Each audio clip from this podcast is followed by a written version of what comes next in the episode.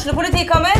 Ine Jansen er purk. Er du purk? The motherfucking bitch. Alt jeg vil, er å finne ut hva som skjedde med mannen min. Jon Carew. Er jeg sikta for noe? Iben Akeli. Det er du. Ole So, Lars Berrum og Big Daddy Karsten. Hvem sin side er du på, egentlig? Anette Hoff, Tone Danielsen, Kommer du fra Afrika? Jørnis Josef, Nesten. Kløfta. Trond Espen Seim, Det er synd å si det, men det var feil mann som døde. Purk. Premiere tirsdag på TV2 Play. Ungsamtalen fra DNB er økonomisk veiledning tilpasset deg som er ung. Bokk en ungsamtale på dnb.no. slash ung. Det er kjempebra hvis du skal inn på boligmarkedet! Hvis det er drømmen din, liksom. Det er det du skulle sagt. Og så kunne du ropt litt mer, da, sånn som jeg gjorde. Bam! Åh,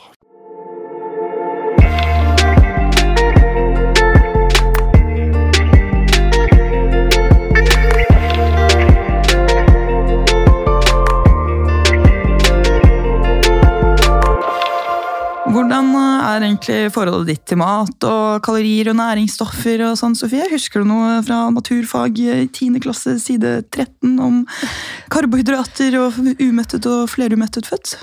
Ja, altså jeg vet jo litt, men jeg kan jo ikke si at jeg vet i overkant mye, og interesserer meg jo heller ikke i overkant mye av det. Eh, rett og slett egentlig for at jeg tror jeg er litt for lat til å bry meg om det. Eh, når du først skal begynne å tenke på kaloriinntak og mikro makro og um, altså prosessert mat og ikke prosessert mat og all denne kunnskapen her, så tror jeg valgmulighetene blir mye færre. Og så tenker jeg at hvis jeg står på butikken en dag og så vet jeg alt det her i, i underbevisstheten, så tror jeg det blir vanskeligere å ta valg på hva man skal kjøpe seg. Og tror også det er litt mer tidskrevende å holde det på en måte bra. Så jeg har egentlig ikke satt meg så mye inn i det. Eh, Men jeg må jo si at jeg har tenkt en del på det etter du fortalte meg om det her med at enkelte matvarer kun er fyllstoff. Det er liksom ikke noe vi tar noe næring av. Det er egentlig bare for å mette. Eh, Noe som jeg syns var jævlig ekkelt, egentlig. Ja, for jeg har eh, begynt å følge litt eh, nye personer eh, på Instagram, og, som da skriver om ultraprosessert mat. Eh, og jeg har en veldig god venninne som eh, tar master i ernæringsfysiologi. Eh, og da har jeg sett hva hun deler, og på en måte funnet ut at det er veldig mye interessant rundt det. Men fordi at jeg har hatt den problematikken som jeg har hatt, så har jo alt dette her før vært veldig vanskelig å forholde seg til. da. Sånn som du sier, at man eh, eh, Der du på en måte ikke har kanskje giddet å sette deg inn i fordi at det vil, kommer til å påvirke liksom, valgmulighetene og sånn, så har jo jeg satt meg veldig inn i ting eh, og tatt valg ut ifra det, men mest sannsynlig på feil grunnlag, da. Fordi at det er vanskelig å få eh, riktig informasjon, og det er jo sånn, jeg har jo fått Altså, jeg har jo lest sånn at ja, nei, banan er usunt. Egg eh, er heller ikke sunt. Altså, alle sånne vanlige type matvarer da, har blitt usunne. Eh, og det vet jeg ikke om det er fordi jeg har oppsøkt feil sider, som kanskje har litt sånn spiseforstyrret fokus på ting, eller om det faktisk er sannhet. da, For jeg husker jo ikke hvor jeg har funnet ut av alle disse tingene heller. Nei, for jeg har jo også tenkt det der med, med frukt, og jeg husker mamma sa tidlig til meg det om banan, at banan er den mest usunne frukten du faktisk kan spise. Eh, og så ser man jo ofte at når folk er sultne, så tar de seg en banan. Eh, så nei, jeg vet ikke heller helt eh, hva som menes med det, om det faktisk er usunt, eller om det er for at det er mange kalorier i det, eller om det er for mange eh, hva det heter, sånn sukker, Karbohydrater. karbohydrater i det. Eh, og veldig mange tenker jo også at jeg er veldig strict på mat og kosthold fordi at jeg holder såpass mye på med trening som jeg gjør, men det kan jeg bare si med en gang at det gjør jeg faktisk ikke. Jeg tror nok jeg er i underkant av litt bevisst, men eh, jeg prøver jo å, kunne spise alt som helst. Eh, nå har det jo vært eh, snakka om at eh, sånne prosesserte kjøttboller og kjøttkaker og sånt, altså ting som er kverna opp med forskjellige ting i, at det kanskje ikke er så bra. Så det, det har jo gjort at jeg holder meg for litt unna svenske kjøttboller, bare spesielt, eh, og velger heller en biff eh, eller karbonadedeig over kjøttdeig, for eksempel.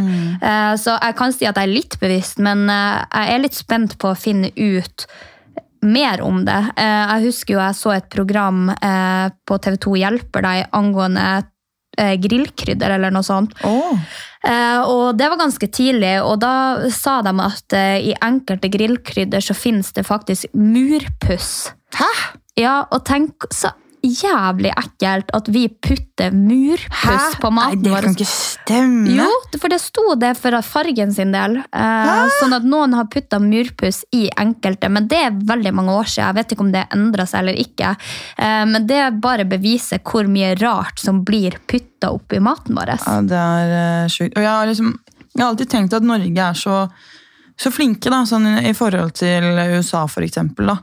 Så har jeg sett på Norge som et sånn veldig, veldig bra land. Vi har gode råvarer, og vi har landbruk og ditt og natten. Og så plutselig så bare Jeg skjønner ikke hvordan vi blir så misinformert. da, for for jeg hadde, en, jeg hadde en periode også hvor jeg ville spise mer vegansk, og det var jo egentlig veldig bra. Vi brukte masse råvarer. Ja, det her husker jeg du fortalte. ja, og spiste masse, og det var, altså både jeg og ekspen fikk veldig godt altså, utbytte av det, egentlig. Men da jeg flyttet for meg selv, så er jo jeg lat. og jeg syns det er kjedelig å lage mat når jeg bor på en 80 kvadratmeter hybel. Eh, så da begynte jeg å kjøpe sånn uh, Istedenfor å liksom kjøpe kjøtt, så kjøpte jeg sånn eh, kjøtt eh, altså sånn wannabe-kjøtt, da, på en måte. Eh, fordi at Plant-based beef. ja, for eksempel. Ja. Eh, altså, veldig masse av disse tingene, og pålegg blant annet. Fordi at et eller annet sted på den veien der, og fordi jeg hadde sett eh, en eller annen dokumentar, så, så bare fikk hjernen min for seg at det var mye sunnere å spise eh, det, det, den kjøtterstatningen da, enn faktisk kjøtt. For jeg hadde sett hvor dårlig kjøtt var å spise og sånn. Men eh, så har jeg jo funnet ut av det at det er jo verre, altså sånn, nesten verre enn å spise kjøtt. Og da blir jeg sånn, ok, hvor kommer all den liksom misledende informasjonen fra, og hvorfor er det så jævlig forvirrende å spise bare vanlig, sunt, enkelt, godt, å være sunn, og bare det konseptet med sunnhet. Når er man egentlig sunn? Hvem er egentlig sunne? Ja, for vi, jeg og du har jo snakka en god del ganger om det her, at vi ønsker flere butikker og flere restauranter som faktisk bruker råvarer, og sånn skikkelig ordentlige råvarer. Ingenting prosessert, at alt lages fra bunnen av, at alt er økologisk, eh, og at det er liksom gjort for seg på en bra måte. Eh, Vi har jo f.eks. Letta, eh, som har blitt en veldig stor favoritt hos meg, fordi at jeg føler faktisk når jeg spiser der at det her er bra for kroppen. Mm. men jeg er jo også en synder i all forstand med at jeg er superavhengig av eh, eh, energidrikk. Og det er jo ikke mange årene siden vi fikk eh, kunnskap om at de bruker Er det taurin? Er det oksetiss? Eh, nei, Eller sæd? nei de, de, det er et stoff de henter fra galleblæren til eh, okser. Eh, som da liksom er også der eh, urin produseres. Men det er ikke urin, det er taurin. Ja, Men- men, men hvor jævlig ekkelt er ikke det at vi stapper det i oss hver dag? Fra galleblæra til en ku, liksom. Så jeg bare tenker på, og har tenkt veldig mye igjen, at jeg har så lyst til å slutte med den forbanna batterien. Fordi at det er kan ikke være bra for kroppen. For det første så er den selvlysende gul. Eh, og for det andre så er de stappa med sukker og koffein og Nei, eh, jeg tror at jeg har godt av denne episoden og faktisk får litt kunnskap om hva ting er, og hvordan det blir produsert, og hva det gjør med kroppen vår. Mm, og om det faktisk er, eh, som du kalte det, fyllstoff i hermetegn, eller hva det er som blir gjort med produktene, da, som gjør at de kanskje er ultraprosesserte eller prosesserte, eller ikke prosessert i det hele tatt. Og hvorfor? For det er det jeg tenker sånn, hva er det som gjør det sunt? Hva er det som gjør det usunt? Sånn som med battery er ø Hvis du drikker en battery om dagen, da, så er det sånn, ja, man kan tenke at sånn, å nei, det er ikke sunt for kroppen, og sånn, men hva er det egentlig de gjør? Kommer du til å dø når du har sex av hjerteinfarkt, liksom? Eller påvirker det egentlig ingenting? Legger du på deg sukker? Er det det som er usunt? Eller, altså, sånn, skjønner du hva jeg mener? Ja, Så jeg bare, jeg trenger litt svar. Og jeg trenger en fagperson som kan dette her. Ja, det trenger jeg også. Det trenger dere også, tenker jeg. Altså, og, Nå er det på tide at vi setter oss litt inn i det, og det tror jeg også, selv om det er vanskeligere og man får mindre valg på butikken, så tror jeg allment at det er smart å kunne litt om, både fordi at jeg jo sier jo ofte, veldig, veldig ofte egentlig, at eh, kroppen er vårt tempel, og vi blir sånn som vi blir tatt vare på. Så det er liksom sånn, Jeg skal leve i denne kroppen forhåpentligvis frem til jeg er 80 år. eh, Og hvordan jeg velger å bygge den opp, med hvilken type mursteiner jeg bygger den, eh, det tror jeg vil være viktig for hva slags liv jeg vil ha. eh, Kanskje ikke om 10 år, men om da 30-40 år. Så tenker jeg også at det er viktig før vi setter i gang med denne episoden, at hvis du er litt eh, sensitiv for dette temaet, som jeg vet at jeg var for noen år siden, så er det kanskje ikke episoden å, å høre på for deg. Og jeg vil også si at det er ikke eh, meningen at man skal følge noe slavisk eller må kutte ut noe altså selv om det kanskje høres ut som at en matvare ikke er så bra, så betyr ikke det at du ikke kan spise den. Det er bare at du bør være opplyst, og så tar du den eh, avgjørelsen selv. Jeg er veldig fan av å spise balansert, og at hvis jeg har lyst på sjokolade, så spiser jeg sjokolade, men da bør man også vite hva på en måte som er sjokolade, og hva det gjør med kroppen din, og så kan du ta et valg basert på det. Ja. Jeg syns at det har vært vanskelig før, men nå begynner jeg å på en måte endelig komme dit at jeg faktisk vil jeg vil vite, og så vil jeg ta valg på vegne av det. Ja. Og det, jeg tenker det er helt ok. Vi alle vet jo at det ikke er dritbra å sitte og gofle smågodter på fredag og lørdag, men det gjør jeg hele uka uansett. Men det er bare det at man, man vet litt hva man putter i seg, og eh, kanskje finnes det bedre alternativ som er like lett og like godt. Eh, som ligger rett ved sida av i hylla, så er jo Ja. det en god kjennskap å ha. Tenker jeg. Eh, Så jeg gleder meg til å få svar. Jeg også. Og da har vi fått en gjest i studio. Velkommen til deg, Marit Kolby. Takk, takk. Nå skjedde det jo noe litt uh, funny her. da du kom inn, for Sofie sitter her og spiser et uh, lett produkt. Og et produkt som jeg tror veldig mange andre som lytter på, også er store fan av. Jeg satt og spiste en uh, Yt uh, ProPud. Yes. Og fikk streng beskjed om at det ikke var så lurt. Ja, så jeg tenker, du kan, du kan jo dele med lytterne våre også hva du fortalte oss om proteinpuddingen. Ja, altså jeg, men jeg er jo invitert hit for å snakke om mat og sunn mat, og blant annet ultraprosessert mat og så videre, så det, når det første jeg ser er et ultraprosessert produkt, så klarer jeg selvfølgelig ikke å styre meg. Nei. Eh, så, men jeg tenker jo at en sånn eh, proteinpudding à la den der, er, det er kanskje noe Altså det er skikkelig Det er langt eh, oppe på skalaen over det mest eh, prosesserte man kan spise. Det er jo veldig lite mm, råvare der.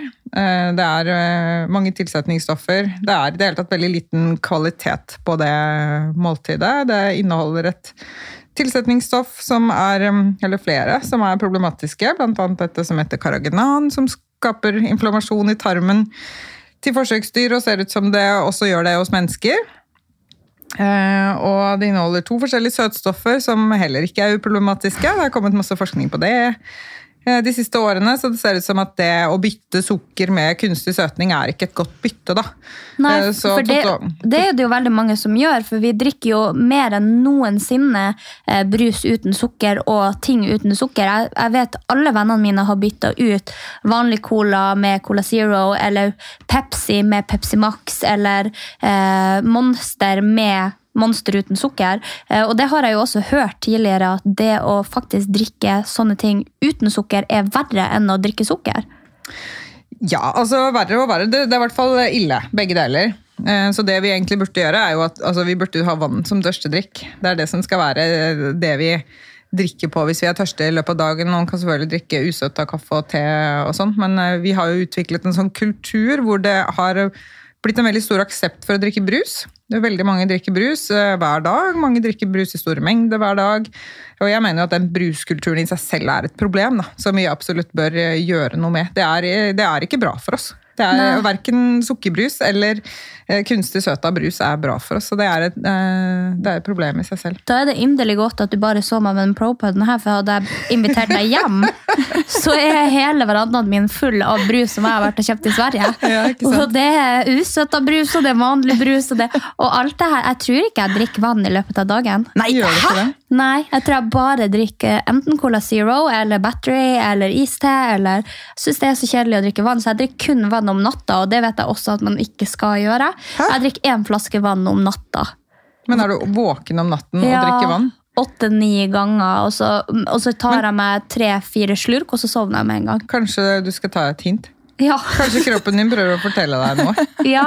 At, du, at den faktisk trenger vann. Det så kan være. kanskje du, hvis du klarer å kutte ned på den brusdrikkingen og drikke ja, vann som tørstedrikk istedenfor, så kanskje du slipper å våkne om natten for å drikke vann. Men det er, det er sånn det er jo ikke noen spøk. Altså, vi trenger faktisk vann. Kroppene våre trenger vann. Og selv om disse brusene inneholder også vann, så er det ikke en erstatning for vann. Nei. det er faktisk ikke det. Uh, de virker annerledes på kroppene våre. Det er helt åpenbart, fordi at vi ser skadelige effekter av å både drikke lettbrus og drikke sukkerbrus. Så, og det er et problem i seg selv når vi ikke drikker vann. Da. Så, um, så det, er, en- det er en veldig lavthengende frukt for deg, tenker Ja. jeg, å gjøre noe med det. da. Ja, det skal jeg virkelig gjøre. Jeg tror at jeg skal legge inn noen sånne kalde flasker med f.eks. sitroner i, og litt sånn, bare sånn at det har litt smak i seg, men som du sier, da råvarer, eh, i stedet for at jeg drikker den brusen. Ja, eller bare, ja, bare rent vann. Altså gjerne med sitron i, også. men gjerne med kullsyre også. er Ja. helt uh, ok. Men dette er jo vaner, ikke sant? Så, så, så det handler jo om å, å snu den vanen, da. Og det, det kan man jo gjøre. Når man har lagt til seg en vane, så, uh, så går det forholdsvis uh, fort. Det, ja, det er mange som, som gjør det, og som blir litt sånn det er nesten så man våkner litt sånn opp fra en sånn transe etterpå og tenker hva var det egentlig jeg holdt på med?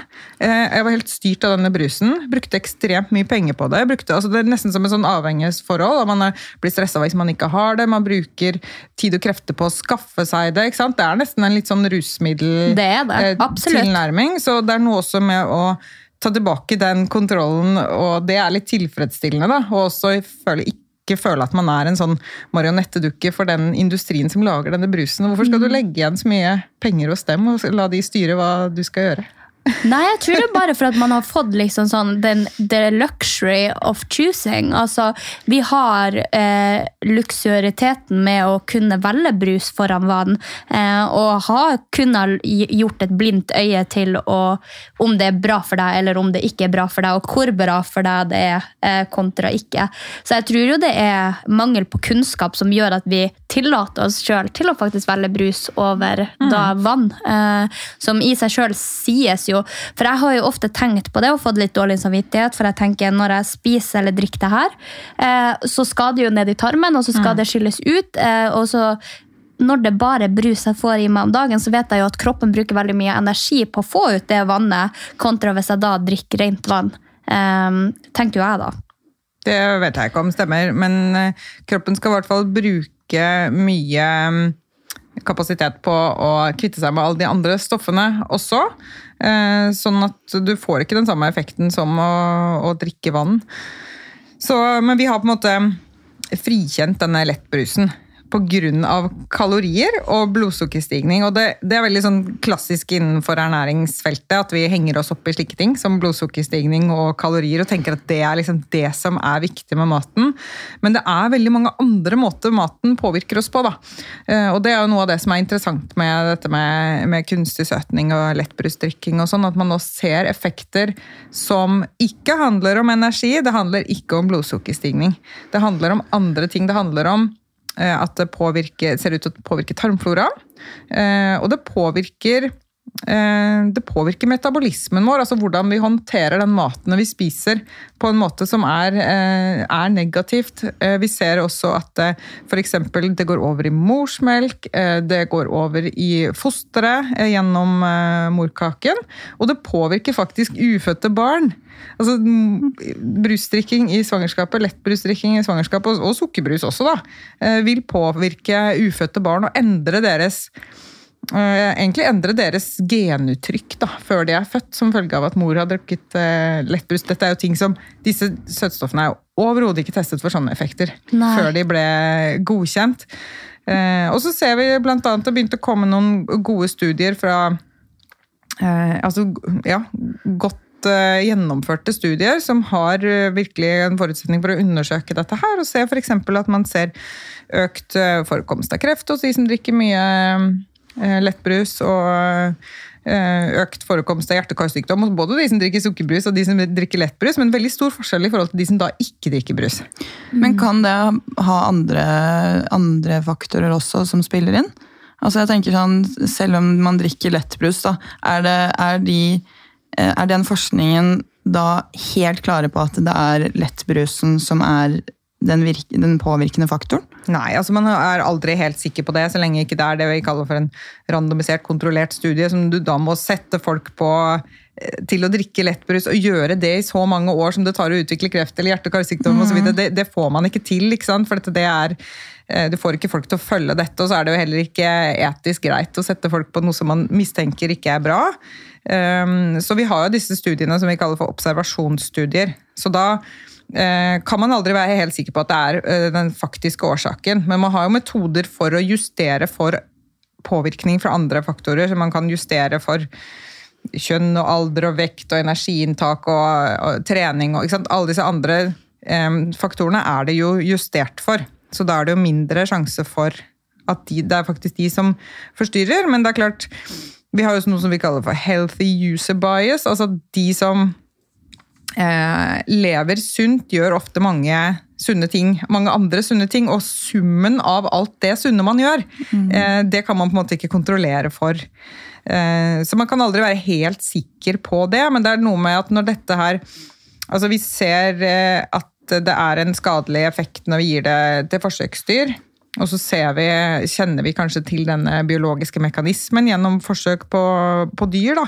Og så finner man igjen de samme tingene i faktiske studier på mennesket, selv om de da ikke kan si at det er en, en etablert årsak. Så er det jo litt sånn Det, det, det henger ganske godt på greip, da. Det ser ikke ut som at disse stoffene er harmløse.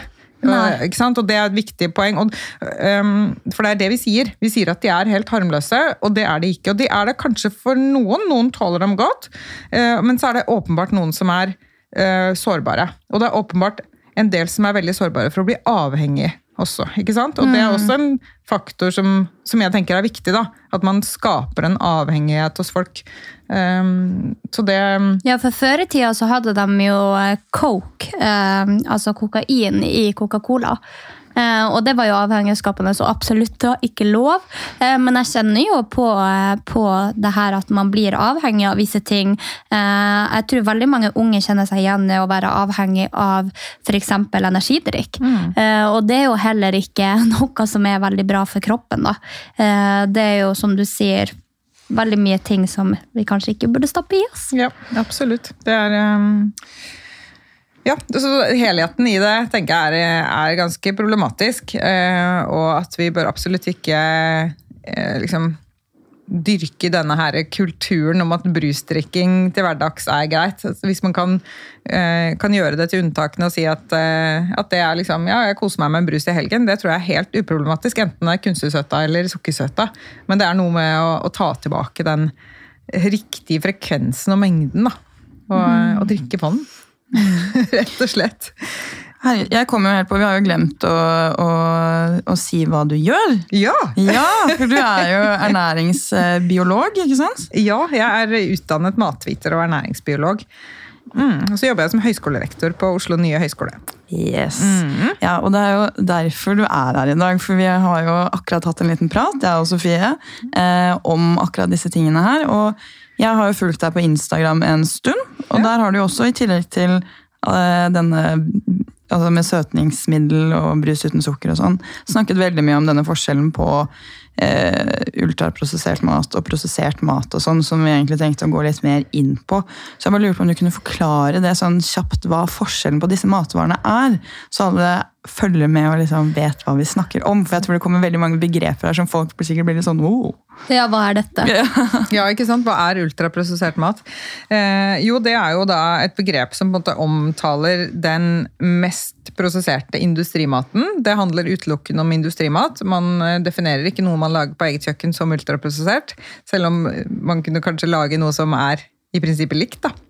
Eh, og dette er, er jo eh, noe som eh, kom, kom på banen som et ønske om å undersøke hva gjør denne mest prosesserte industrimaten med oss.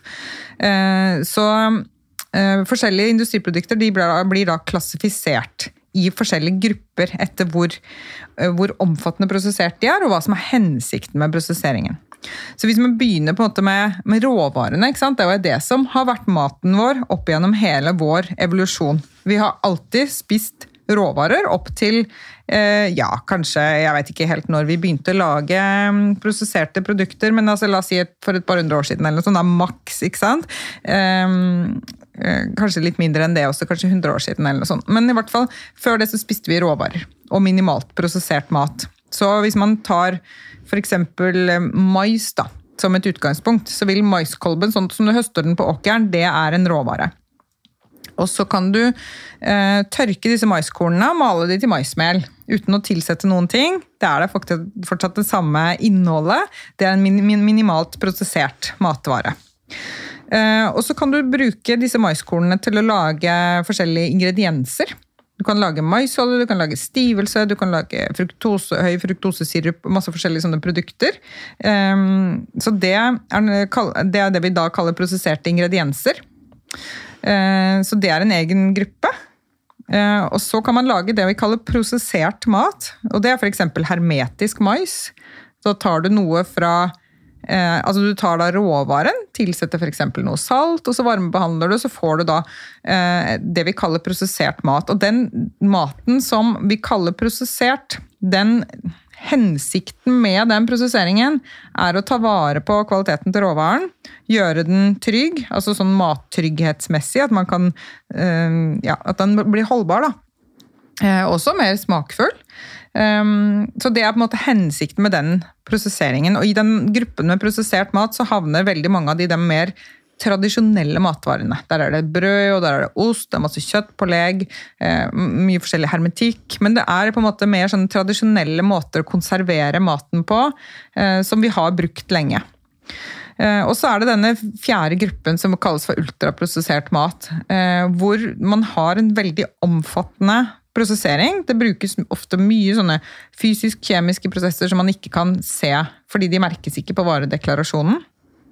Eh, og Hvis man tar utgangspunktet i mais igjen, så vil da et ultraprosessert produkt fra mais det vil for være sånne Doritos eller cheese doodles eller et eller annet sånt, som i, ganske stor grad er laget fra mais. For dette, du har kanskje maisolje, du har maisstivelse og mange sånne ingredienser, men det er ikke noe, det er ikke noe mais igjen. Du kan ikke se kjenne igjen maisen, du kan ikke se strukturen til maisen. Alt det der er tapt, på en måte.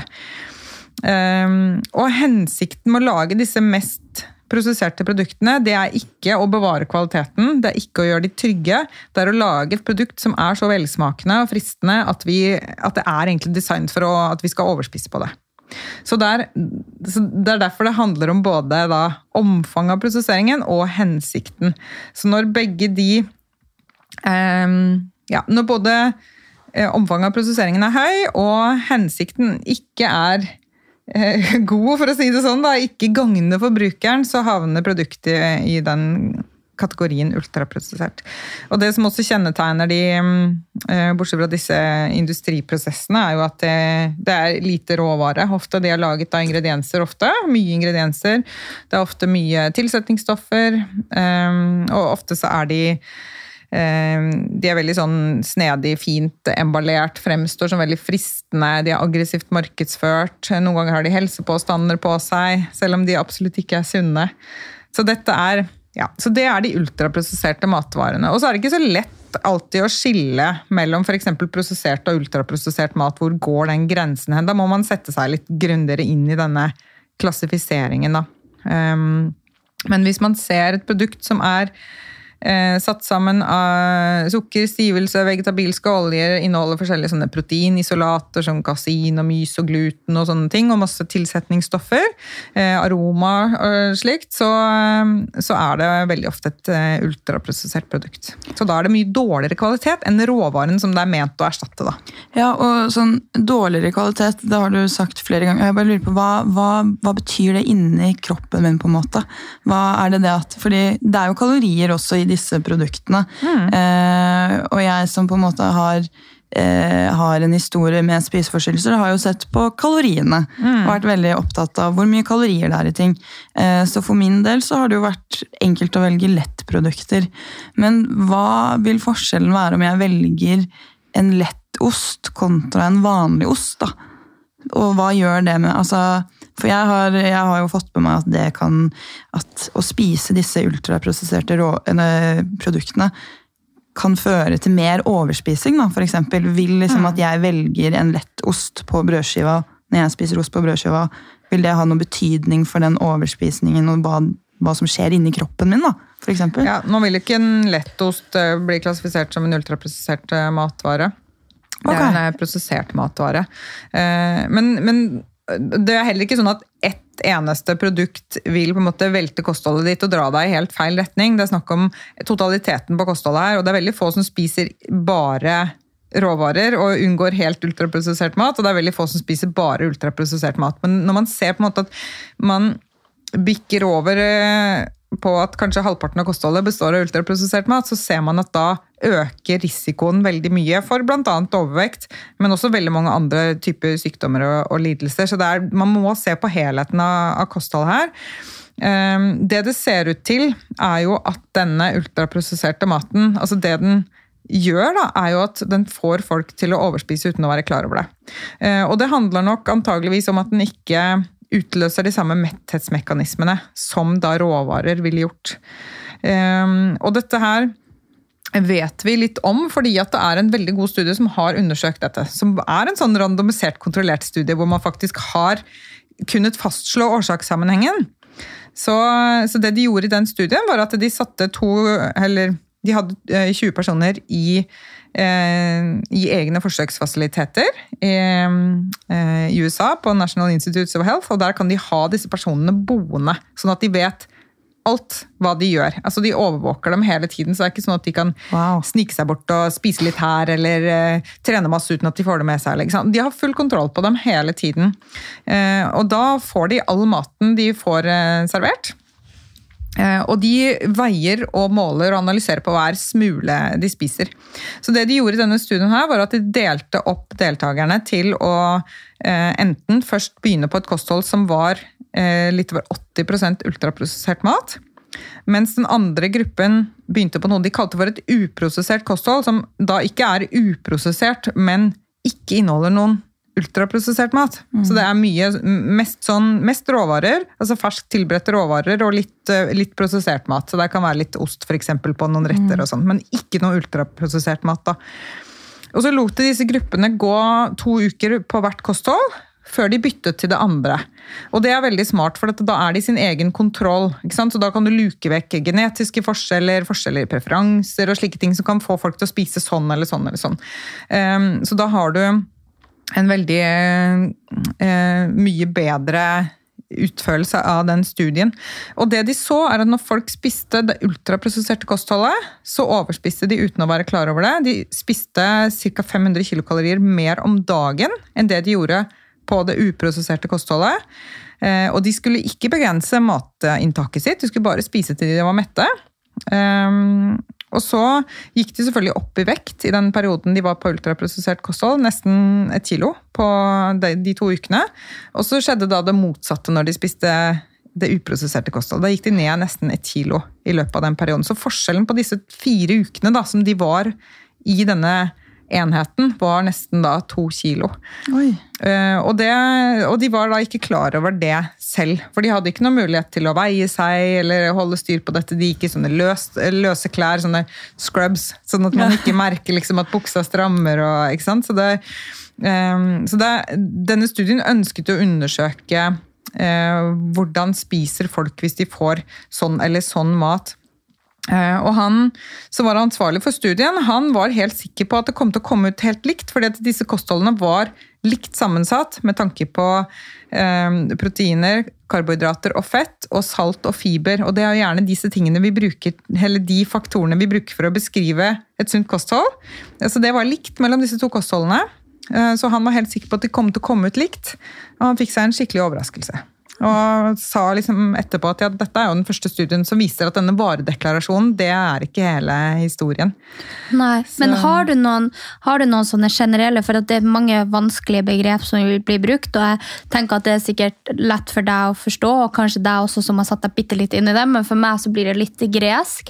Eh, er det liksom noen sånne eh, kritiske eksempel du kan ta på hva som er bra matvarer, og hva som kanskje man burde holde seg unna. For eksempel, du sier at en propud burde man kanskje holde seg unna. Eh, og så har man jo hørt eh, forskjell mellom for eksempel karbonadedeig og kjøttdeig. At de bruker mer kjøtt i en karbonadedeig, og at det kanskje er bedre å bruke for at det er mindre fett. Er det noen sånne, Har du noen sånne spesifikke som du bruker å tipse folk om, som er litt sånn her lurt å bruke f.eks. når jeg ut- uviten skal gå inn i butikken? Eh, er det noe jeg burde holde meg unna, eh, og noe jeg burde velge? Ja, jeg vil jo si at du skal holde deg unna de ultraprosesserte produktene til hverdags. Ja. I hvert fall. Eh, Så, men det man skal velge, da? Det vi egentlig er skrudd sammen for å spise, biologisk, gjennom hele vår evolusjon, det er jo råvarene. Så det er maten sånn som vi finner den i naturen. Så det er, jo- potet, og det er gulrøtter, og reinbiff. Grønnsaker, eh, grønnsaker, rotgrønnsaker, det er frukt, det er nøtter, det er belgvekster, det er fisk, det er egg, og det er kjøtt, og det er skalldyr. Og det er liksom alle disse her matvaregruppene med maten, sånn som vi enten høster dem eller fremstiller dem i naturen. Da. Det er råvarer, sant. Um, og så eh, det vi i størst mulig grad bør unngå, det er jo da de omfattende prosesserte industriproduktene. Så er det mange ting imellom der som vi kanskje kan spise litt av, men som vi skal prøve å, å begrense. Sånn at vi bør prøve å basere kostholdet på råvarer. Ja, hvordan Så- ville du eksempel satt eh, nudler? For eksempel. Det er en ting som veldig mange spiser, men som jeg kan tenke meg at kanskje ikke Ja, sånne der instant nudler med sånn smakstilsetning og sånn, det er typisk sånn ultraprosessert, Ultraprosessert. produkt. Ja. Eh, og så andre eksempler av ting vi spiser mye av, da. At det Ja, er jo, altså, det det er det jo har brus. lyst. Ja. Ikke sant? Brus er jo en versting, og altså, alle sånne typer drikker, energidrikker, vil også på en måte gå inn under det. Enten de er sukkersøta, eller om de er kunstig søta. Og, og vi i Norge, vi drikker og kjøper ekstremt Ja, mye vet brus. Helt, helt ekstremt.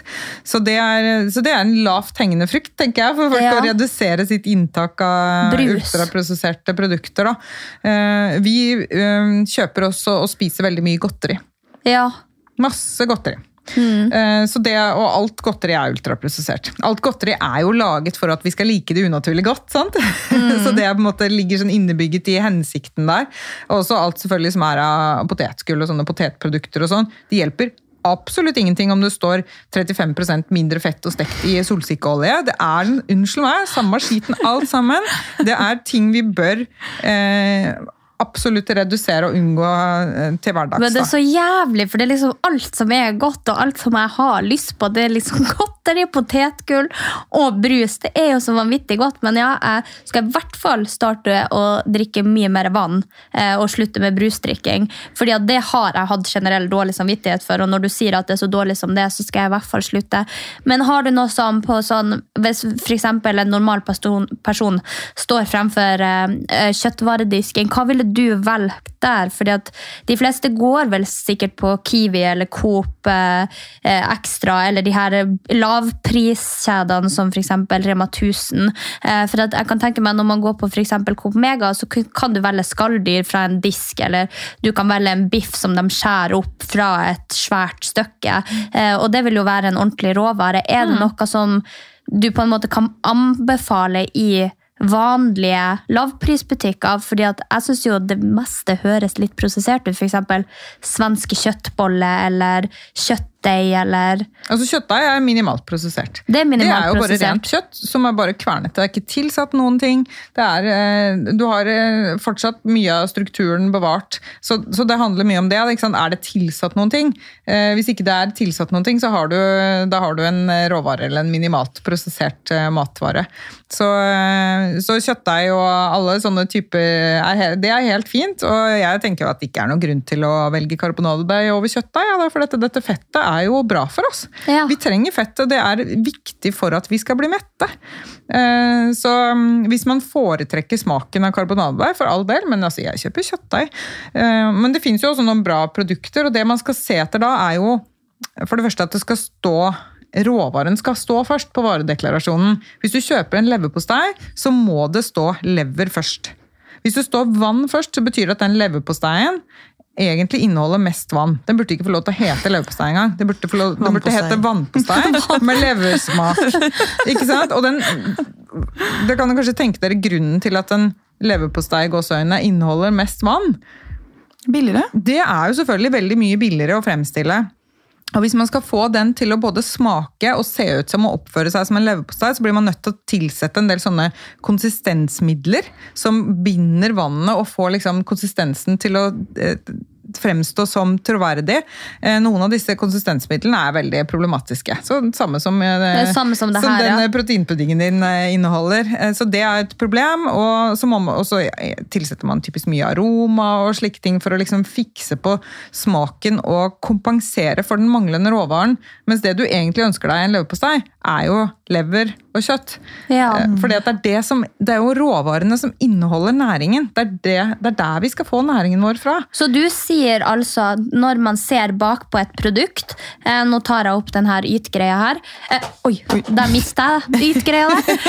Nå tar jeg opp en ny ting. Den iste. Eh, så når vi ser bakpå her, så skal det f.eks.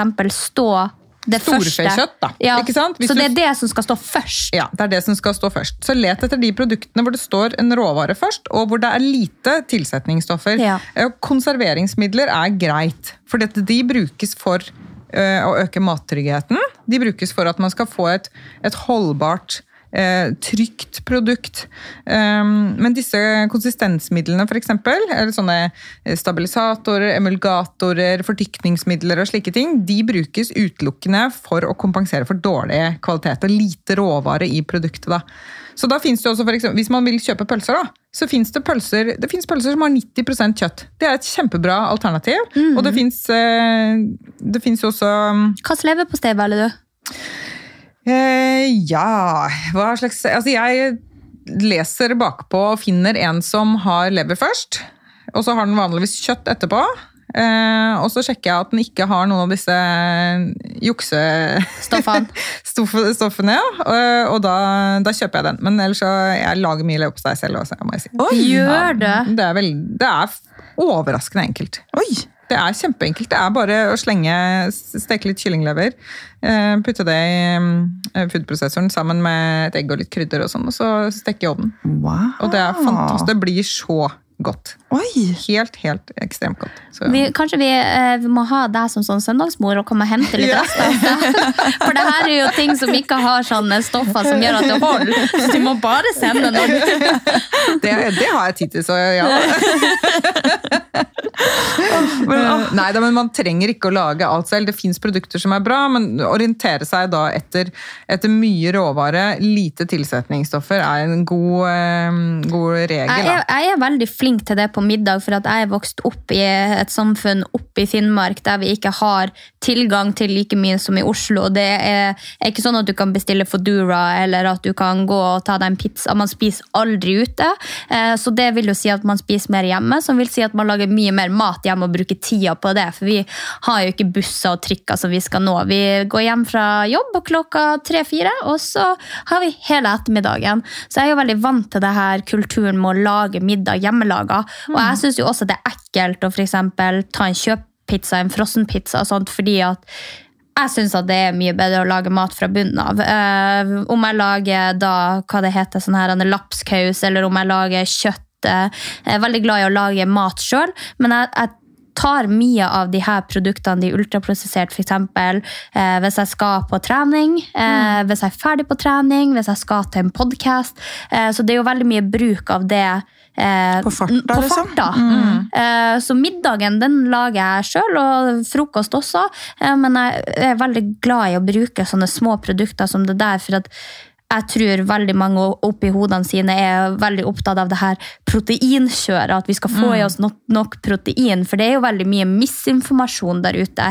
Eh, så tror jeg jo at hvis man f.eks. spiser et sånt kosthold som du sier, eh, der man ikke bruker prosessert mat, så tror jeg jo kanskje at man kunne ha fått i seg alle de proteinene uten produkter som det her. Ja, absolutt. Eh, Men det betinger jo at man velger fra alle matvaregruppene.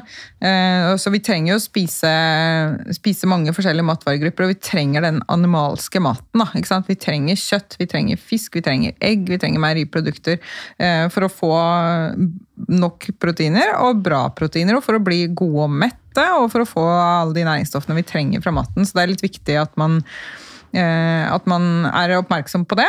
Ja, for der eh, tenkte jeg på når du snakket om leverpostei, fordi det har jo kommet ekstremt uh, mye kjøtterstatningsprodukter sånn de siste årene nå. Og jeg tenkte jo en periode at alt som var vegansk, var veldig sunt. Og på en måte levde litt på den.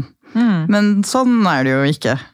Nei, altså der har man jo mm, alle varianter, holdt på å si. Altså, det finnes jo veganske eller vegetariske produkter som er veldig bra, som er laget av råvarer. For eksempel, eh, der kan jeg jo nevne en produsent, da. Eh, Trekke fram en produsent, for eksempel disse grønne folk, Ja. hvis dere kjenner til de. Jeg følger de på Instagram. Ja, veldig, veldig bra. Altså, det er både det at de liksom bruker sånn eh, litt sånne misforma grønnsaker, ikke sant? og at de, de lager mat, ordentlig bra mat fra råvarer. Så det er en kjempebra ting.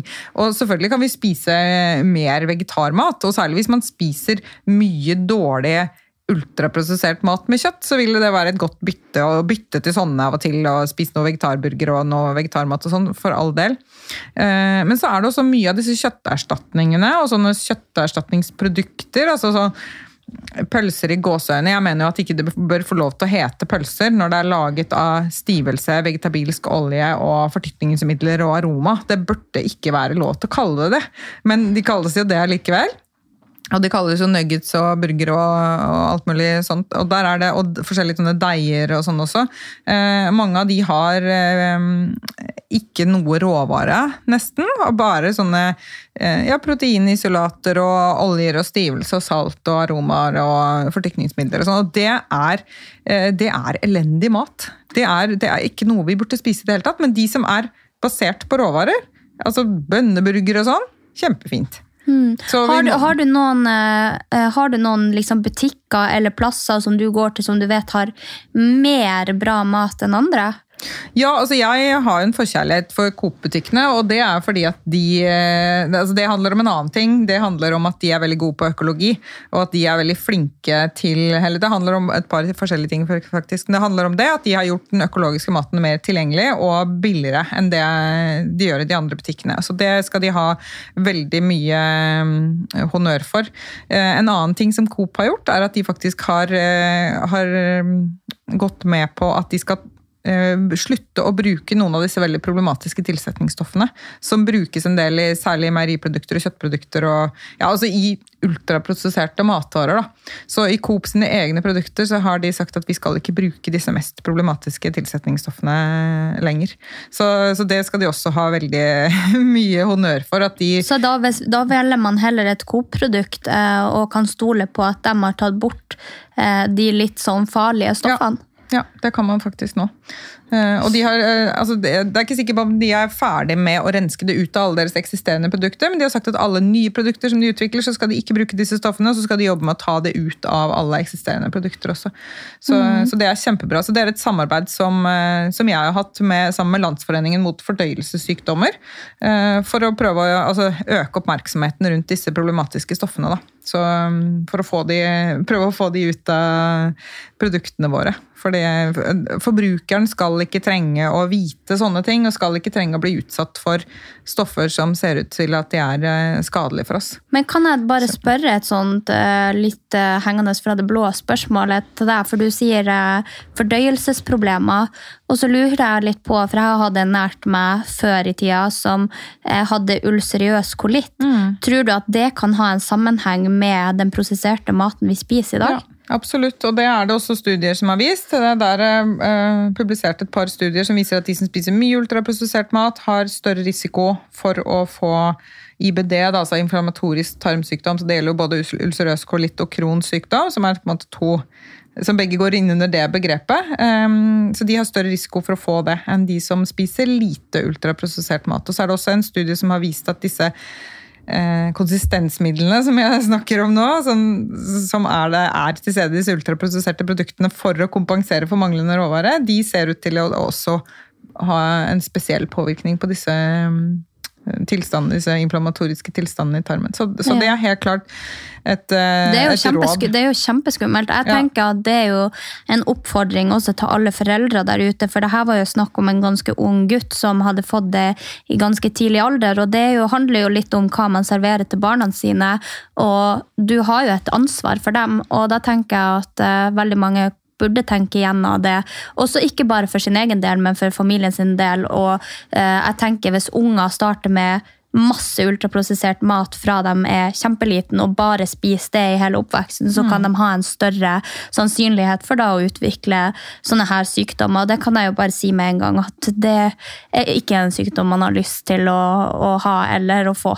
Nei, absolutt ikke. De er, eh, de er ekstremt syke, de som eh, har disse sykdommene. Det er en, eh, og har veldig veldig nedsatt eh, livskvalitet. Er masse utenfor arbeidslivet, ute av stand til å jobbe, og i det hele tatt får eh, altfor det får altfor lite oppmerksomhet, det blir altfor lite forsket på det.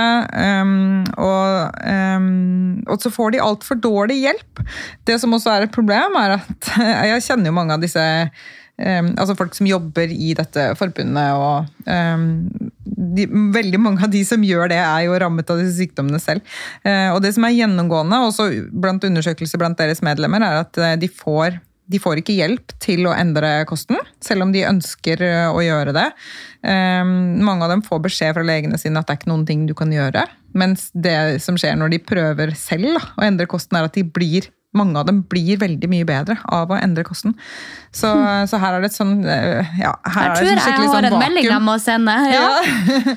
Så det er veldig, eh, veldig synd da, at ikke vi har mer fokus på hvor viktig maten er, både for å forebygge og behandle sykdom, faktisk. Men det er det også, hvorfor er ikke det her mer opplyst om, tenker jeg? Ja, det er jo, det er jo kjempedumt. Ja, eh, det, det er jo et godt spørsmål. Altså, de som jobber med dette her, jobber jo hardt for å prøve å få eh, mediene til å skrive om det, øke oppmerksomheten rundt det osv. Men det viser seg at det er ganske tungt, faktisk. Det har vært eh, vanskelig å, for eksempel, å få mediene til å dekke denne saken med disse problematiske tilsetningsstoffene. De er ikke noe særlig interessert i det. Det er ikke noe særlig sexy med eh, tarmsykdommer, så det er liksom ikke noe som de ønsker å løfte eh, frem og sette fokus på.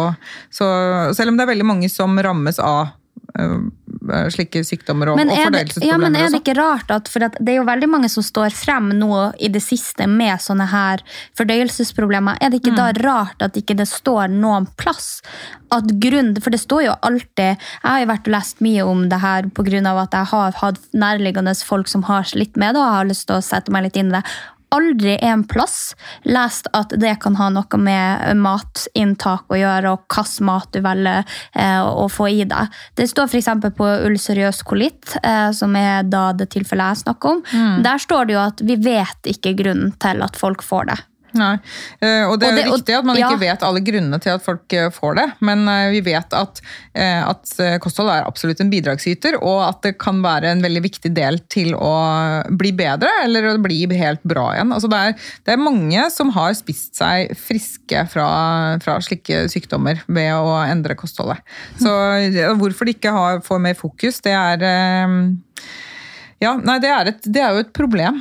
Men sånn er det generelt med ernæringsfaget. Altså, det er noe vi som jobber med ernæring slåss mot på en måte hele tiden. At ernæringsfaget ikke har nok anseelse, ikke blir nok prioritert. Vi, eh, vi, vi har på en måte en sånn oppfatning om at mat er eh, bensin, og at det handler om energi, og at det er ikke så farlig hva man spiser. Mens vi som jobber med ernæring, vet jo det at det har utrolig mye å si både for å forebygge og behandle forskjellige helsetilstander. Så vi slåss jo på en måte for å få dette mer både kjent og akseptert og prioritert, å få flere stillinger for folk som jobber med ernæring osv., og, og få høyere sånn fokus på det um, alle steder der hvor folk spiser. Altså ja, både liksom barnehager og skoler og sykehus og sykehjem og fengsler og alle slike steder hvor folk er i andres matomsorg, så burde det jo være en uh, veldig, veldig god ivaretagelse av det, men det ser vi at det ikke er. Mm. Så også som f.eks. innen dette med, dette med, mental helse. ikke sant? Det har en veldig sterk effekt på mental helse også. Eh, men der har jeg også hørt historier fra innsiden fra de som jobber f.eks. på psykiatriske institusjoner. Altså kostholdet er Det er ikke bra. Det mm. er veldig, veldig store problemer med, med kostholdet der. Da. Så tenker jeg også sånn, I forhold til det å være i behandling også, så er det jo eh, Så tror jeg også at sånn selv da jeg har vært i behandling for en spiseforstyrrelse, så har jeg ikke fått inn noen ernæringsfysiolog som kan hjelpe meg. Eller som kan liksom sette opp en matplan. Det har jo på en måte eh, psykiater eller psykolog gjort. Og jeg sier ikke at de ikke vet hva de gjør, for det gjør de nok helt sikkert, men all denne andre informasjonen er jo jeg overlatt til å finne ut av selv. Mm. Så jeg har jo på en måte googlet meg frem til liksom, disse mytene jeg og Sofie snakket om i stad. Liksom, at en banan er usunt fordi det er sukker i, og egg gjør ditt og datt, og alt er egentlig usunt i egg. ikke sant? Og da er det veldig vanskelig, fordi man finner så mye informasjon på nett og overalt. Og, man, så hva er det man lærer på skolen? Den der tallerkenen med liksom litt kjøtt og litt grønnsaker og litt potet. Og det er på en måte det alle husker. Jeg bare syns at det er veldig at ingen instanser liksom tar, den, tar, det ansvaret, da, og kanskje lærer opp folk. fordi hvis man tenker også på hvor mye penger eh, hele dette landet bruker på f.eks. Eh, bare fedme, da, og mm. sykdommer som kommer av fedme, mm. så er det bare Vil ikke den investeringen veie opp? Absolutt, men problemet er at det går på, en måte på forskjellige budsjetter. sånn at hvis man legger, det, det, Jeg tror det, det, er noe av grunnen til at det ikke prioriteres. da. Mm. Eh, for det er klart at det er et lønnsomt regnestykke i, i, lengden. Jeg tror, Nå husker jeg ikke akkurat hvor stor andel det er, men vi bruker sånn 2% av bruttonasjonalproduktet eller noe sånt, på å behandle kostrelaterte lidelser som kunne vært unngått. Eh, det må ta med en klype salt, for dette nå er det lenge siden jeg har sett på de tallene. Men det er, det er, det er mye penger. Det er veldig, veldig mye penger som går inn i å prøve å behandle kostrelaterte lidelser. Så det, så det, er et kjempestort problem. Det er ting som kunne vært unngått. Og det handler jo ikke bare om pengene heller. Det handler om veldig mye individuell eh, lidelse. ikke sant? I dette er Folk som blir syke av maten de spiser, og som skal være kanskje i en sånn eh, avansert sykdomsbehandling i mange mange år og leve mange år av sitt liv med veldig redusert livskvalitet. da. Ja, for det er jo det det blir. For det blir jo når sykdommen kommer og inntreffer, og det på en måte er for seint, og eh, du får en en eh, tarmsykdom, så hemmer den jo hele hverdagen din. Du må ha et tilgang til toalett hele tida. Du eh, kan ikke spise ulike ting, for det gjør vondt, og du sitter på do kanskje ja, 30% av dagen fordi mm. at alt som du får i deg, går rett igjennom. på en måte. Ja, så det er, jo det er jo helt sykt at man ikke har mer fokus på det, egentlig når man tenker over at de tingene kanskje kunne vært unngått. Ja, absolutt. Og det, det er jo litt sånn typisk at man fremstiller ofte dette med, med tarmsykdommer og sånn som, som, nettopp det at man må på do hele tiden. Men det er så veldig mye mer enn det. Altså, de som har disse problemene, har eh, veldig eh, mange andre sånn, følgeproblemer av det. Altså har mye smerter, utmattelse, altså har eh, problemer med, med konsentrasjon. Og ja, det er veldig mange flere problemer som følger med det, da, som gjør at de blir eh, veldig syke. Um, så ja, nei, absolutt. Det, det, kan bare bli bedre, liksom. Det uh, Ja, jeg savner noe uh, mer uh, politiske tiltak for å sette virkelig fokus på kostholdet, og hvordan vi kan bedre kostholdet. Mm. Mm. Hvordan, men hvordan kan man få til de tiltakene? Sånn er det, er det, mange flere som må si fra? Er det penger som må inn? Er det Nå, tenker, jeg, skal, nå blir jeg sånn, skal jeg gå i fakkeltog foran Ja. Stortinget? Det må du gjerne gjøre. Uh, nei, jeg tenker jo sånn så at uh, ja, altså det må på en måte, Vi må jobbe både politisk, da, så fra topp og nedover, og så må man jobbe fra bunnen og oppover. så Vi må jobbe med, med, med opplysningsarbeid. Det er viktig, men det er også viktig at vi opplyser om det som faktisk er viktig og riktig. da, At ikke vi snakker om kalorier og næringsstoffer når det er helt andre ting som, som avgjør hvorvidt maten er bra for oss å spise. Eh, Vi må begynne å snakke om eh, råvarer versus ultraprosessert mat, for det er en mye viktigere eh, del av ernæringsfaget. Eh, Eller viktigere del av det å spise og viktigere del av dette med kosthold enn eh, enn å telle kalorier. Eller vi skal ikke telle kalorier. det, blir, Det blir jeg veldig glad for å høre. Det, det kommer ingenting eh, godt ut av det. Vi må spise på en måte som gjør at vi kan bevare helsen og spise oss gode og mette og holde oss friske og funksjonelle. Liksom. Og det gjør man ikke ved å telle kalorier eller å spise lettprodukter. Det er ganske tydelig. Så vi må jobbe med den opplysningen. Og så må vi eh, jobbe politisk. ikke sant? Og vi, der kunne vi jo gjort veldig mange ting. Hvis vi har modige politikere, så kan de jo si for, de kan jo f.eks. si det at i alle steder hvor, hvor folk eh, får servert mat, eh, særlig i offentlig sammenheng osv., så, videre, så skal f.eks. maten lages av råvarer, og vi skal ikke tilby ultraprosessert mat. Og, altså, det er jo det er jo litt sånn paradoksalt at hvis man besøker et sykehus, så er det liksom det enkleste å få tak i er et eller annet. Da er det liksom vaff, kjøpe noe på kiosken. Da, da kan du kjøpe is og kjeks og sånn, liksom. Eh, Vaffel og pølse. ja, det, det er liksom det Og det burde ikke vært kaldt pølse engang. Så sånn er det. Ja, ikke sant? Det er litt sånn her kommer tante Sofie. Men nå har jeg lært det. Det blir, ikke, det blir ikke pølse på vei hjem fra byen. Baconpølse, som har vært en stor favoritt, det blir ikke det når jeg går hjem nå. Nei, hva skal du spise på veien fra byen? Nei, nå skal jeg ta meg en banan og nøtter og også sånn her en yoghurt, som du sa. Naturell Ja, ja. yoghurt. Ja, Fy fader, hør på henne! ja, Ja, jeg har hørt. Men jeg, jeg lurer på en ting. Kan du avkrefte kanskje den myten om at banan er usunt? Ja, det kan jeg. Eh, og det Det er jo litt komisk. Jeg leste på, på Twitter her om dagen, det er en, eh, en ernæringsfysiolog som jeg følger der, hun eh, kom med et sånt hjertesukk, og så sa hun det er jo helt utrolig hvor mye tid jeg må bruke på å forsvare bananer. altså, eh, altså, banan er en råvare. Eh, banan er en frukt. Eh, det er For jeg unngår frukthylla. Du gjør det, ja. Mm, for jeg tenker fruktsukker, eh, ikke sunt i det hele tatt. Jeg tenker bananer jeg har hørt, at ikke var så sunt da jeg var liten. Det har jeg egentlig bare tatt inn over meg, at frukt ikke er sunt. Ja, altså, Men det er jo ikke det studiene viser. da. Det er jo gjennomgående hele veien at de som spiser mye frukt og grønt, de har bedre helse enn de som ikke gjør det. Så, og det er, Jeg nekter å tro at det finnes en eneste person som har blitt overvektig og syk av å spise bananer. Altså, Det er jo ikke det som er problemet. ikke sant? Man, man beholder eh, brus og pommes frites og pølser og godteri og smågodt og is og kjeks og sånn i kostholdet sitt, og så kutter man ut banan! altså, det, er, det gir jo ikke mening i det hele tatt.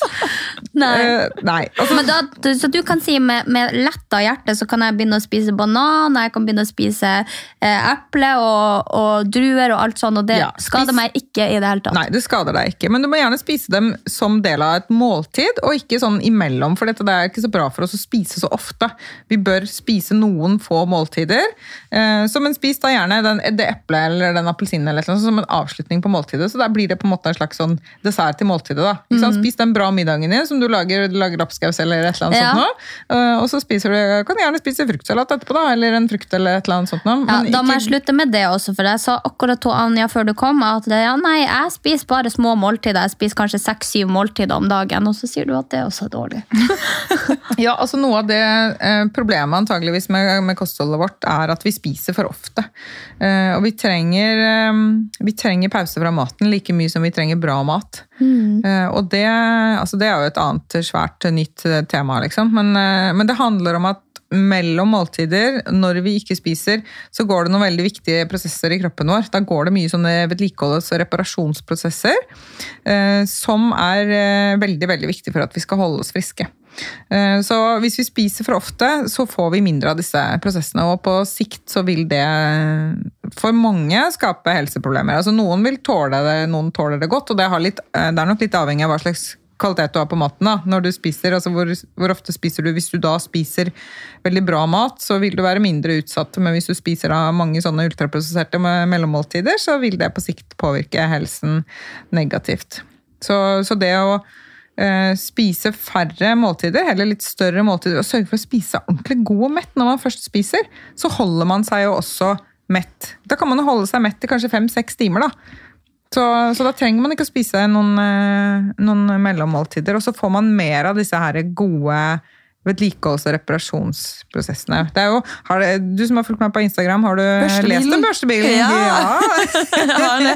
Men det jeg skulle si litt på tampen her nå, for nå ser jeg vi begynner å få faktisk litt dårlig med tid, men at det der er veldig interessant, fordi eh, da jeg skulle eh, få bukt med overspising, som det så pent heter, så var jo på en måte det Jeg skulle spise hver tredje time, og jeg trengte ikke å spise så mye. fordi at hvis jeg da fikk liksom holdt blodsukkeret mitt oppe, så ville ikke eh, det trigge til den ekstreme overspisningen jeg fikk på kvelden. da. Det var det jeg fikk høre. Så jeg har på en måte de siste ja, to årene Nei, jeg føler det sklei ut helt, og jeg ikke gjør det lenger. Så spiste jeg hver tredje time liksom tre knekkebrød, tre knekkebrød, tre knekkebrød, tre knekkebrød. tre knekkebrød. Og jeg spiste jo så mange måltider, og eh, hadde på en måte banan som jeg tok mellom disse tre timene. og på en måte og det Ja, jeg vet ikke hva så Men det der tror jeg kanskje at det er forskjell på, på For at det kan være sånn at du hadde større problemer med overspising, og derfor i en periode så skal du gjøre det. For det er jo forskjell på sykdom, eh, som det i dette tilfellet er en spiseforstyrrelse, annet enn det som kanskje er bra for deg, altså bedre for deg, eh, som et van, eh, ikke vanlig, i hermetegn vanlig person. Da, Ja, ja, jeg skjønner hva du mener. Ja, så da tror jeg det, jeg tror kanskje at helsebenefittene for den spiseforstyrrelsen er bedre hvis du spiser hver tredje time for at det funker for en overspising, men jeg tror kanskje ikke at det er sunnest for normalperson. Nei, for det er det jeg lurer litt på. Har du mange som med spiseforstyrrelser som på en måte søker råd hos deg? Nei, altså nå driver ikke jeg med veiledning sånn én til én. Men som henger i DMs-a, som vi kaller det. Eh, ja, til, ja, en del. Eh, og det er faktisk eh, litt sånn påfallende mange som har sendt meg meldinger og sagt at når de skiftet fokus fra å fokusere på kalorier og næringsstoffer, og liksom telle kalorier og prøve å liksom spise magert og fiberrikt og sånn, og skiftet over til det kvalitetsfokuset som handler da om hel mat, altså spise råvarer, eh, så forsvant mye av det altså forsvant mye av den derre hva skal man si, det, det, det anstrengte forholdet til maten, og så fikk man på en måte en, en tilnærming til maten som at denne maten er ikke Den prøver ikke å skade meg, den er ikke farlig for meg, denne maten her er sunn, den er næringsrik, den gjør kroppen min godt, den gir meg det jeg trenger. Så jeg har fått mange meldinger faktisk fra folk som, eh, som har hatt et veldig anstrengt forhold til mat, og som har fått et mye bedre forhold til mat etter at de skiftet fokus. eh, Og også påfallende mange som sier det at ja, vet du hva, når jeg begynte å kutte disse mellommåltidene, og begynte å spise noen få måltider og spise meg ordentlig god og mett, så er jeg så mye mindre sulten. Og hvor man før har kanskje har følt at man alltid hadde et slags sånn altså Cravingen var der hele tiden, fordi at man aldri spiste seg ordentlig god og mett. Man trenger eh, å løse ut alle disse metthetsmekanismene som skal signalisere fra fordøyelsessystemet til hjernen. Og det gjør man ikke hvis man ikke spiser et ordentlig godt måltid, spiser seg ordentlig mett eh, og får det man trenger fra maten. Så hvis man hele tiden prøver å liksom eh, skulle lure kroppen sin fra det den trenger, så vil man jo hele tiden ha det derre suget etter noe, noe mer. Og, og, og det er også dette med, dette handler også om dette med reparasjon og vedlikehold. fordi at en, da en tarm som hele tiden får påfyll, får ikke reparert seg, får ikke vedlikeholdt seg. Og det skaper prosesser i kroppen som forstyrrer den naturlige metthetsreguleringen, eller appetittreguleringen. Da. Så, så det kan rett og slett tulle til naturlige mekanismer for sult og metthet, sånn at de forstyrres. Så, så ved å spise sjeldnere, så kan man få en, en bedre appetittregulering. Så, så avslutning, av, ja, avslutningsvis, eh, en liten oppsummering, eh, er at vi burde kutte ut brusdrikkinga. Eh, i så høy grad som vi har den. Og kanskje Spare til helgen, helgen, Ja, da. Sånn som vi gjorde før. Når jeg vokste opp, så var det brus på lørdag. Ja, brus på lørdag. Ja. Og så skal vi eh, se litt bort ifra all det her kalorikjøret og måling hit og dit, men heller gå etter råvarer. Mm. Eh, og så kanskje prøve i større grad å holde oss unna ultraprosessert mat. Ja, men, til hverdags, ja, men prosessert mat eh, går bra. Mm. Eh, og så hadde vi eh, mindre måltider. Ja, Færre måltider. Færre måltider. Ja, og større måltider. Og større Spise seg måltider. ordentlig god og mett. Da på veldig bra mat, når man Ja. først spiser. sant? Så da har man jo noen indikasjoner. Og drikke vann. Ja, det er jeg. ja. Også en, en som jeg beit meg merke i, at når man ser på produktet, så ser du på det første som står bakpå. Da skal det stå en råvare. Ja. Yes. Fy fader, altså. Nå. Check, check, check. Det er, eh, Men det, det er ikke så vanskelig. sant? Det er ikke så Det er ikke så vanskelig å spise sunt hvis man bare vet hva man skal navigere etter. Uh, ja.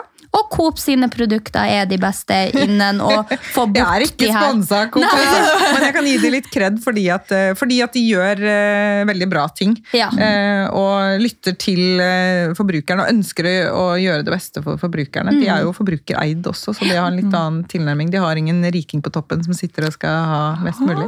ah, visste jeg faktisk ikke. Yes. Det har vært veldig lærerikt eh, å ha det her, må jeg bare få si. Ja, det er, eh, som sagt, jeg følger deg jo på Instagram, men dette er å Det ha skal det her selv og bare liksom sitte her og bare få stille spørsmål jeg vil, helt fantastisk. Men også før vi avslutter helt, da. Jeg Ja. må jo få lov til å nevne det at jeg, at jeg kommer snart kommer med bok. Ja! Så for de som syns at dette her er spennende og interessant, dette, denne tilnærmingen til mat, altså det handler om hva vi skal spise, og det handler om når vi skal spise, det er også det boken heter. Den heter Hva og når skal vi spise? Eh, Så der kommer det veldig mye om dette her. Og litt sånn, sånn Instagram-format med sånne enkle, oppsummerte budskap eh, basert på, på ny kunnskap da, om eh, hva vi skal spise og når vi skal spise. Den kommer 19. mai. Den skal jeg ha. Herregud, det er bare rett å forhåndsbestille. Går det an, eller? Ja, det kommer fra, en, eh, fra 9. mai kan man forhåndsbestille. Wow. Så det kommer til å være synlig på Instagrammen min, det kan jeg love. Superdupert. Tusen hjertelig takk for at du kom. Jeg, Tusen takk. Vi setter så stor pris på det. Og så håper vi at dere der hjemme har satt pris på episoden og har blitt eh, like kloke som oss. Og kanskje begynner å ta noen eh, litt mer kloke valg i hverdagen. Jeg vet i hvert fall at jeg må kutte litt brustdrikking Ja, i det skal hverdagen. jeg det skal jeg også gjøre. Vi ses neste mandag, og husk å tune inn på Instagrammen vår, Glitter og gråstein. Ha det!